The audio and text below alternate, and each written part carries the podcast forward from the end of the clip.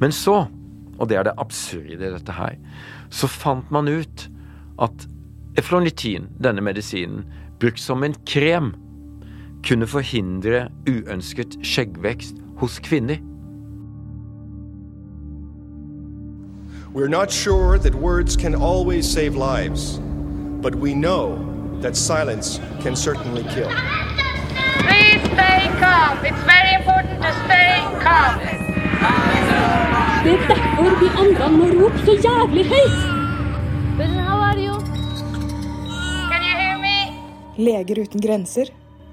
Det du ikke vet.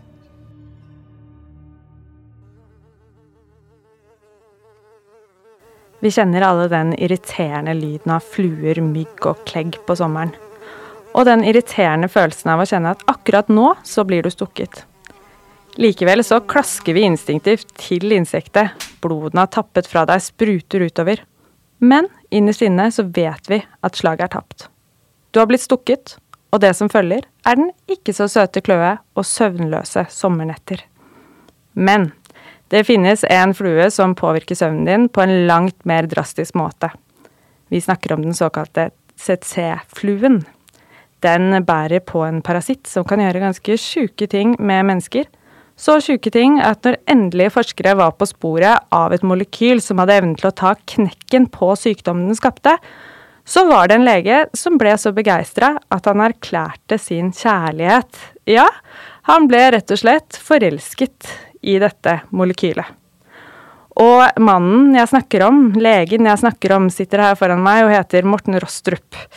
Han har vært med oss i podkasten før, men har så sterke beretninger om sykdommen vi skal snakke om i dag, som er sovesyke, at vi må ha han med oss igjen. Og det er ikke så rart heller at Morten har mye å fortelle når han har vært på nærmere 30 oppdrag for Leger uten grenser. Så da er det bare å ønske deg velkommen hit, Morten. Velkommen. Takk skal du ha. Hyggelig å være tilbake. Ja, Ja. noen måneder siden sist. Da kom du nettopp hjem fra Ukraina. Ja. Eh, hvordan går det nå? Jo da, det går, det går veldig, veldig bra. Jeg har vært eh, jobbet på min vanlige jobb på sykehuset, og så har jeg hatt ferie. Og det er også veldig ålreit Ja. innimellom. Trenger det en gang iblant, Ja, du også. gjør det. Man Ja. gjør det. Det er jo da sovesyke som er eh, tema i dag, Mm. og du har jo jobbet med den sykdommen. Når var det du, du gjorde det? Den første, første gang jeg møtte pasienter med sovesyke, det var tilbake faktisk i 2009. Og det var i eh, DRC, eller Den demokratiske eh, republikken Kongo. Og i noe av de sørlige områdene i, eh, i det landet. Det var, det var første gang jeg faktisk sto ansikt til ansikt med, med pasienter. Mm. Da dro du ned sammen med en journalist, ikke sant? For å Hva var det dere skulle Altså, gjøre det, da? det vi ønsket å gjøre, var faktisk å lage en dokumentar rundt arbeidet til en organisasjon som heter DNDI. Drugs for Neglected Disease Initiative, som eh, faktisk Leger uten grenser tok eh, initiativ til å starte tilbake i 2003. Og jeg var med på hele den, den prosessen den gangen. Men nå skulle vi faktisk til Kongo og se hvordan denne organisasjonen prøvde å finne nye behandlingsmetoder eh, for å ta knekken på denne sykdommen. Og eh, man kan bare tenke seg det å drive uttesting av medikamenter som skal gjøres på en veldig spesiell måte. Det er veldig strenge regler for det. Eh, langt ute i bushen i Kongo. Er det mulig? Er det, er det faktisk mulig å gjøre det? Man skal følge opp pasienter osv. Man, skal- man skal følge dem opp over lang tid.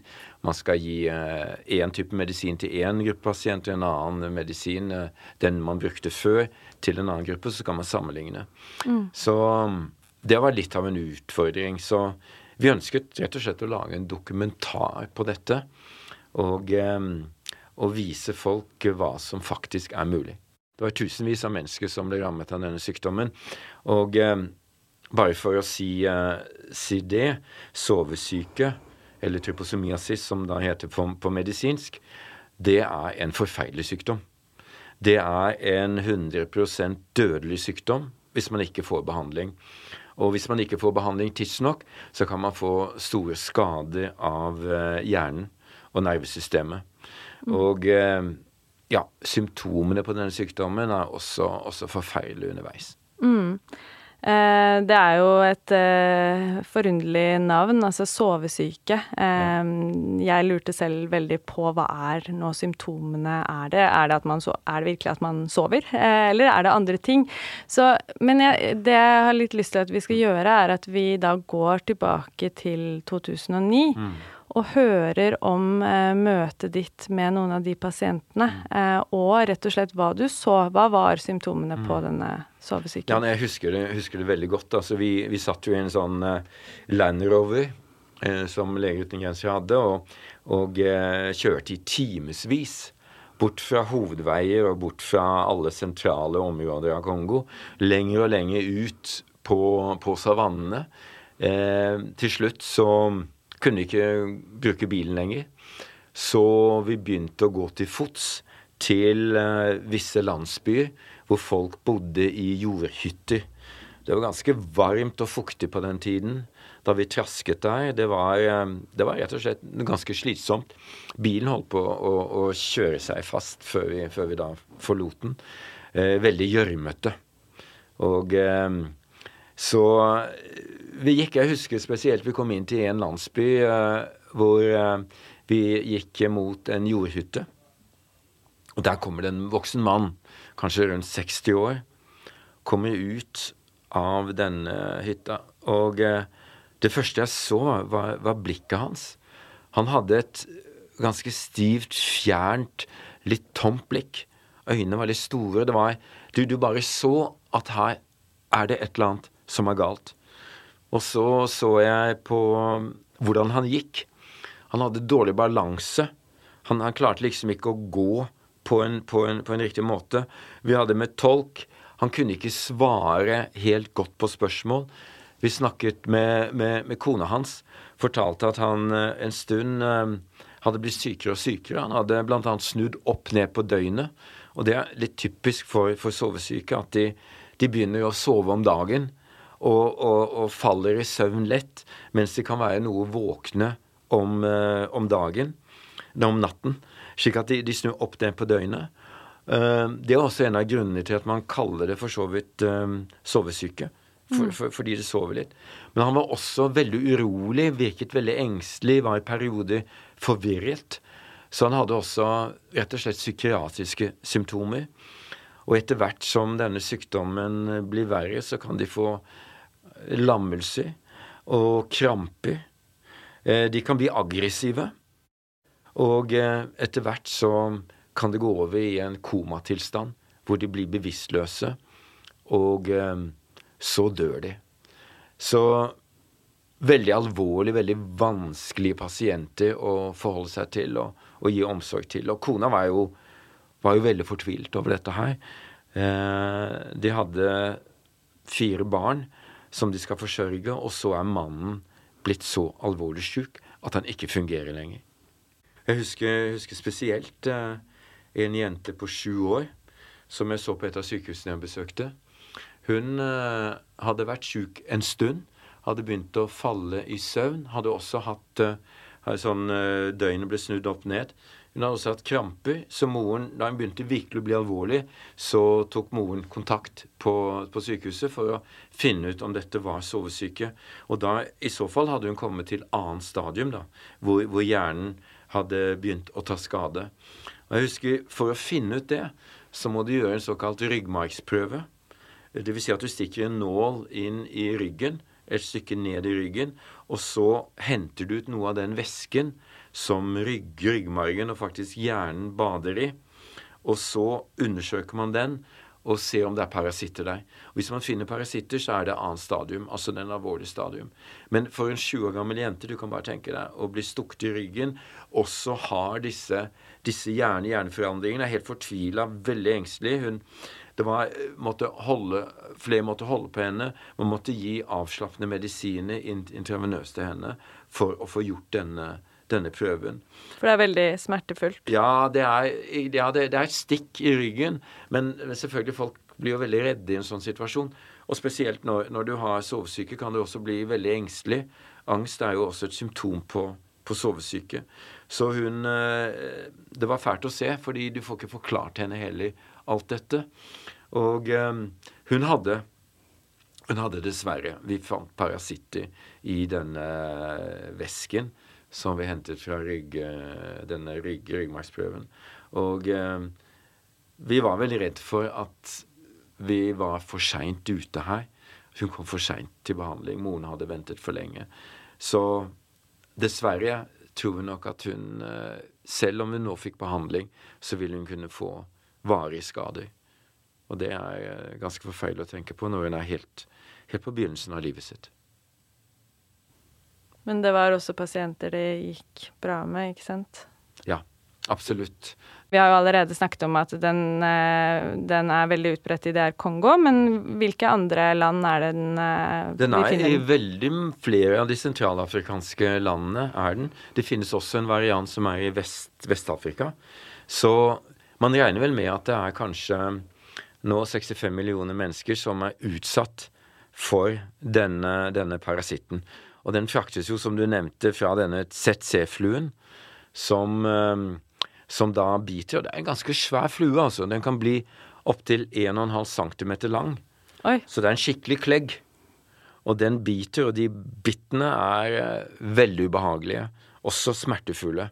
Og det kan bli en skikkelig kraftig reaksjon ved bittstedet, og lymfeknutene virkelig eh, forstørres mm. ganske raskt. Ja, for det, det er, noen av de første symptomene, ikke sant? At ja. man får uh, forstørrede lymfeknuter og ja. litt sånn uh, influensaaktig Ja da, du, du, får en sånn tegn på en infeksjon, kan du si. Mm. Og denne sykdommen går jo i to stadier. Den, den første stadiet så er det jo uh, en spredning via, via, blodet, litt til forskjellige organer. Men parasitten bruker tid på å komme inn i hjernen. den jobber seg etter hvert inn i hjernen den går gjennom en sånn spesiell barriere som er mellom blod og hjernen. Eh, det bruker den litt tid på, men da, når den kommer inn i hjernen, så virkelig oppstår de mest alvorlige symptomene.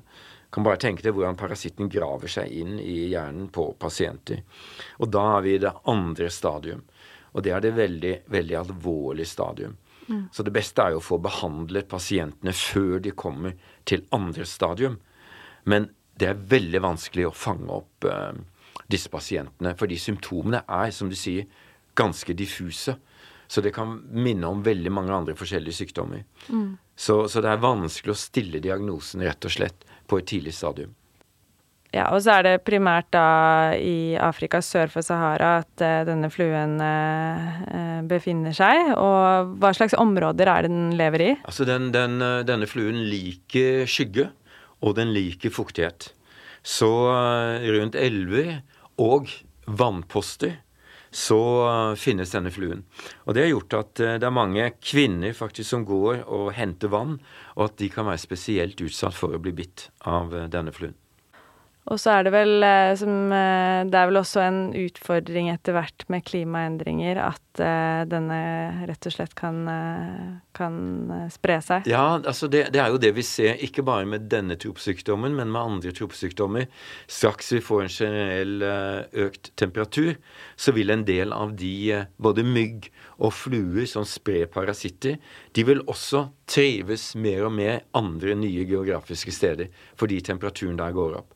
Så nå er det vel rundt 65 millioner mennesker kanskje som er i om, områder hvor de kan være utsatt for denne, denne CC-fluen. Men uh, det kan bli mange flere etter hvert som vi får uh, økning av temperatur pga. klima. Ikke sant. Du snakket litt om hvordan den ser ut, denne fluen, at den er ganske stor. har du sett den selv? Jeg har, jeg har sett faktisk, gikk gjennom og tenkte på det, fordi jeg var borte og så på disse flue fellene. Og det er litt interessant, for denne fluen er tiltrukket kontrasten mellom blått og svart. Av en eller annen grunn så, så liker fluen det. Og disse um, fluefellene er sånne bokser hvor du har eh, blå og svart eh, farge på veggene på denne boksen. Og på toppen så er det en, en hvit, et hvitt område, en slags trakt, hvit trakt, som fluen ikke ser. Fluen kan ikke se hvitt. Så den drar mot denne fellen pga. blått og svart. og så dumper den bort til det hvite, for den ser ikke det hvite. Og så fanges den. Så slike feller var det, var det mange av i dette området. Og på den måten prøver de da å forhindre at det blir veldig mange av disse fluene. Ja. Men var du selv eh, redd for å bli bitt? Nei, Eller stukket, egentlig, eller, ja. egentlig ikke. Um, vi tenkte på det. Men jeg så ingen surrende flue, men jeg så fluer nede i disse fellene. Men er det noen andre måter å beskytte seg? Er det noe vaksine eller eh, noe som helst? Nei, det finnes ikke noe vaksine her sånn. Selvfølgelig gjelder det generelt at du må beskytte og dekke til hud. Det er det, det, er det viktigste. Så bør man eh, unngå blå og svarte klær. For da kan eh, fluen virkelig komme, mange av dem. For det liker de. Så også eh, klesveien er faktisk eh, et poeng. Hva slags behandling kan man tilby disse pasientene? De har en dødelig sykdom. Og eh, inntil da så brukte vi en medisin eh, med Lachoprol som eh, var over 40 år gammel. Og den var faktisk delvis basert på arsenikk. Arsenikk er jo dødelig i seg selv. Så du har jo også en medisin som delvis er basert på noe som er dødelig. Den ga forferdelige bivirkninger. Folk kunne få kramper, de kunne få forandringer i hjernen. Og mellom 5 og 10% av pasientene dør bare pga. behandlingen.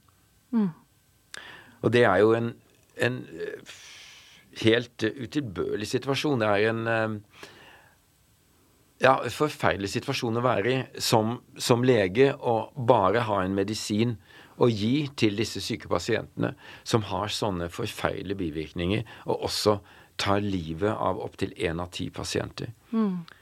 Så her måtte noe gjøres. Og jeg husker i eh, På slutten av 90-tallet, rundt 97 var det vel, jeg traff en eh, fransk lege som hadde jobbet med sovesyke pasienter i, eh, i Uganda. Og ja, det var rystende å høre hva hun kunne fortelle. Hun hadde kun denne giftige medisinen å bruke. Det var helt fortvila, fordi du står overfor pasienter som er eh, dødssyke. Med veldig alvorlige symptomer. Og det eneste du kan gi dem, er en medisin som dreper én av ti. Og eh, som har grufulle bivirkninger. Såpass sterke bivirkninger at mange kvier seg for å få medisinen. Prøver å holde seg unna. Og dag etter dag, uke etter uke, så står du med denne pasientgruppen, og så har du bare denne ene medisinen. Og da er det Hvorfor er det slik?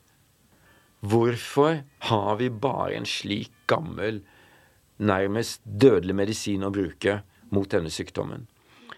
Og eh, da må vi reflektere. Hva er årsaken til det? For man var jo på en måte på, ved et vendepunkt, egentlig, når du dro ned til eh, DR Kongo i 2009. Når det kom til, til behandling, fordi man frem til da hadde brukt en, en behandling som nettopp inneholder gift, som du fortalte om. Ja, det var fortsatt et stort problem. Og eh, som sagt, vi hadde egentlig bare en giftig medisin å bruke. Eh, men nå var det det som DNDI tok eh, for seg, var jo å teste ut et nytt behandlingsprinsipp. En kombinasjon av to medisiner, bl.a. én medisin som heter eflornitin. Og den medisinen var veldig effektiv mot andre stadium av sovesyken og eh, hadde lite bivirkninger. Men du måtte gi altså fire infusjoner, intravenøse infusjoner med denne medisinen per dag. Og hver infusjon tok to timer. Oi. Og dette skal du gjøre langt ut i, på savannene, langt inne i skogene. Og kan tenke deg hvor eh, komplisert det er for pasientene. Og noen pasienter kan være urolige. Det var eneste alternativet vi hadde, i tillegg til denne giftemedisinen da, som, som ellers var brukt. Men det var et problem her. Og dette er jo helt absurd å tenke på. Helt absurd å tenke på. Vi hadde et problem fordi eflonitin hadde ingen annen bruksområde enn sovesyke. Og det farmasøytiske selskapet som produserte eflonitin, de sa at det er ikke noe marked lenger. Altså, vi kan ikke produsere eflonitin. Det koster ting. Og eh, det er ingen pasienter som trenger det. Bortsett fra fattige folk sør for Sahara i Afrika. Men de utgjorde ikke noe marked. De hadde ikke noe kjøpekraft. Så firmaet sa rett og slett at vi må stoppe produksjonen av eflornitin. Og det Ja, vi måtte virkelig protestere og stå på og si at vi trenger denne medisinen for å kunne behandle disse pasientene som har en livstruende sykdom. Men eh, det hjalp ikke så mye når vi protesterte på dette. Men så, og det er det absurde i dette her, så fant man ut at eflonitin, denne medisinen, brukt som en krem, kunne forhindre uønsket skjeggvekst hos kvinner. Tenk deg det. Altså, plutselig så var det et marked. Det var kjøpekraft. Vestlige, altså rike kvinner med skjeggvekst. Det er helt absurd. Da var det Da var det et marked. Da var det en grunn til å opprettholde produksjonen av eflornitin. Og da fikk vi medisinen. Hva Da fikk vi den. Ja. Det er, det er helt, um, helt absurd. Men, men det bare forteller egentlig hvor vanvittig markedsmekanismene er når de skal styre produksjonen av medisiner. ja, for hva sier det om dette markedet? Hvordan Nei, er det, hva er det det baserer seg på? Rett og slett at medisiner, medikamenter nå blir utviklet av den private industrien. De har aksjeeiere. De er forpliktet til å gi profitt til sine aksjeeiere. Det er målsettingen. Da vil de lage medisiner som virker mot sykdommer i de rike markedene. Det er der kjøpekraften er. Ikke blant de fattige i Afrika. Så vi har fått en ubalanse, en, rett og slett en dødelig ubalanse i hvordan vi utvikler medisiner. Og eh, det tok vi Leger uten grenser opp helt på begynnelsen, nei, på slutten av 90-tallet, og lagde rapporter på dette her hvor vi så på det. Sovesyke var et glitrende eksempel på denne ubalansen. Tusenvis av mennesker døde av sovesyke. Det var ingen interesse å finne mer effektive medisiner som ikke hadde alvorlige bivirkninger. Det var ikke noe marked. Her måtte vi gjøre noe. Her måtte vi gjøre noe. Og det var det denne franske legen uh, sa. Man blir forbanna, rett og slett forbanna. Hvorfor skal jeg sitte her i Uganda, som hun gjorde, og gi denne medisinen til pasienter og ser disse alvorlige, alvorlige symptomene? Hvorfor er det slik? Så begynte ballen å rulle. Ja, og det, vi har jo snakket tidligere i denne poden om hvordan sinne kan være veldig effektivt eh, for handling. Ja. for det var vel nettopp da DNDI, som vi snakket om, denne organisasjonen, ble opprettet. Som er da et alternativ, ikke sant, til Ja. hvordan Altså, eh, vi, vi, vi måtte finne en løsning på dette her. Hvis den farmasøytiske industrien ikke var interessert i å utvikle medisin mot disse sykdommene, så måtte vi etablere en ny mekanisme, da, som gjorde det. Non for profit. Er det mulig? Folk sa at nei, det er ikke snakk om, man klarer ikke å gjøre dette. Det er bare den farmasøytiske industrien. Og de sa at det koster kanskje 1 milliard dollar å utvikle en medisin. Hvor skal du få 1 milliard dollar fra? Dette er håpløst. Men vi ga oss ikke på det. Så vi etablerte i 2003, etter en lang diskusjon i Leger uten grenser, eh, DNDI.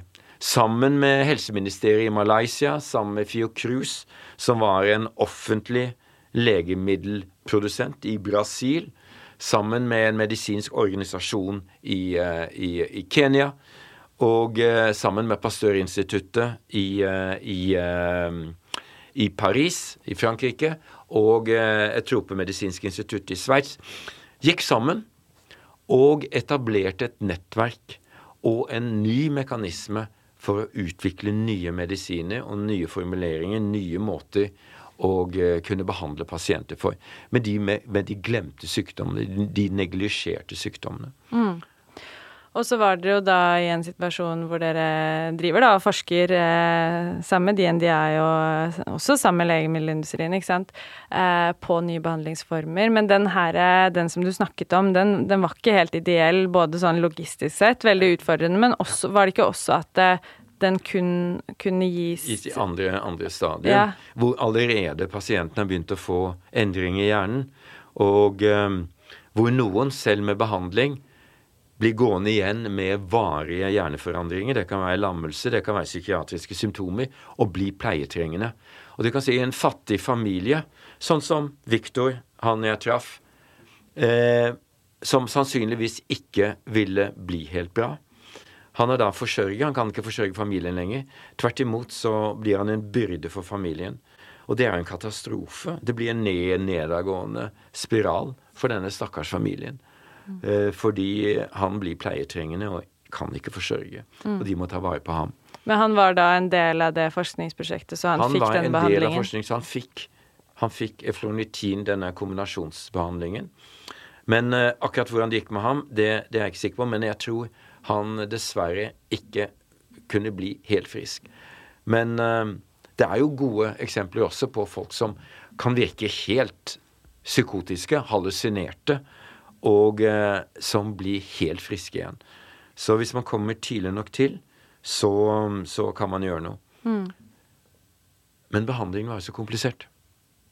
Intravenøs, som jeg sa, infusjoner over så mange dager. To uker. To timer fire ganger per dag. Så vi måtte finne alternativer. Og det var da jeg husker et av de første møtene jeg satt i det første styret i DNDI, hvor vi ble presentert for porteføljen, da. Altså vi jobber med de og de sykdommene nå. Og da var det dette fenixicillazol kom. Dette molekylet. Som du sa, jeg ble faktisk forelsket i. Ja, Jeg- jeg- fortell, jeg- litt, eh, fortell litt mer om det. jo, jo, men det, det, var, det var så fascinerende. Altså, det å bli fascinert over et molekyl, det kan man lure på da man er litt sprø selv, da. Men, men jeg så Tenk deg hvis dette, og det visste vi ikke på den tiden, tenk hvis dette molekylet her veke mot den parasitten. Og vi kan gi det i tablettform. Og det kan brukes både i første stadium og andre stadium. Det vil være en revolusjon. Det vil være en sånn game changer i behandling av sovsyke. Så jeg fulgte nøye med hele den prosessen der.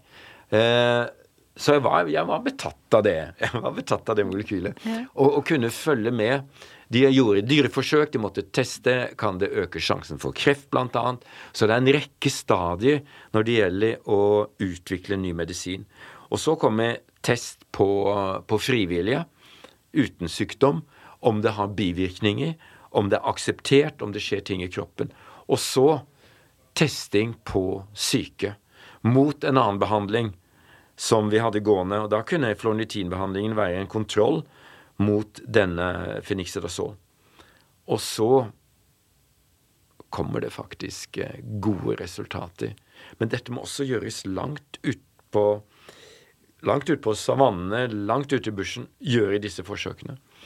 Og eh, jeg fulgte lenge med molekylet, og det som var fantastisk, og jeg så den pressemeldingen, den kom i 2018, da var denne, dette molekylet mitt, ikke mitt da, men eh, det hvor jeg har vært opptatt av, da var det, da var det godkjent til bruk på mennesker i behandling av sovesyke, både første og annet stadium.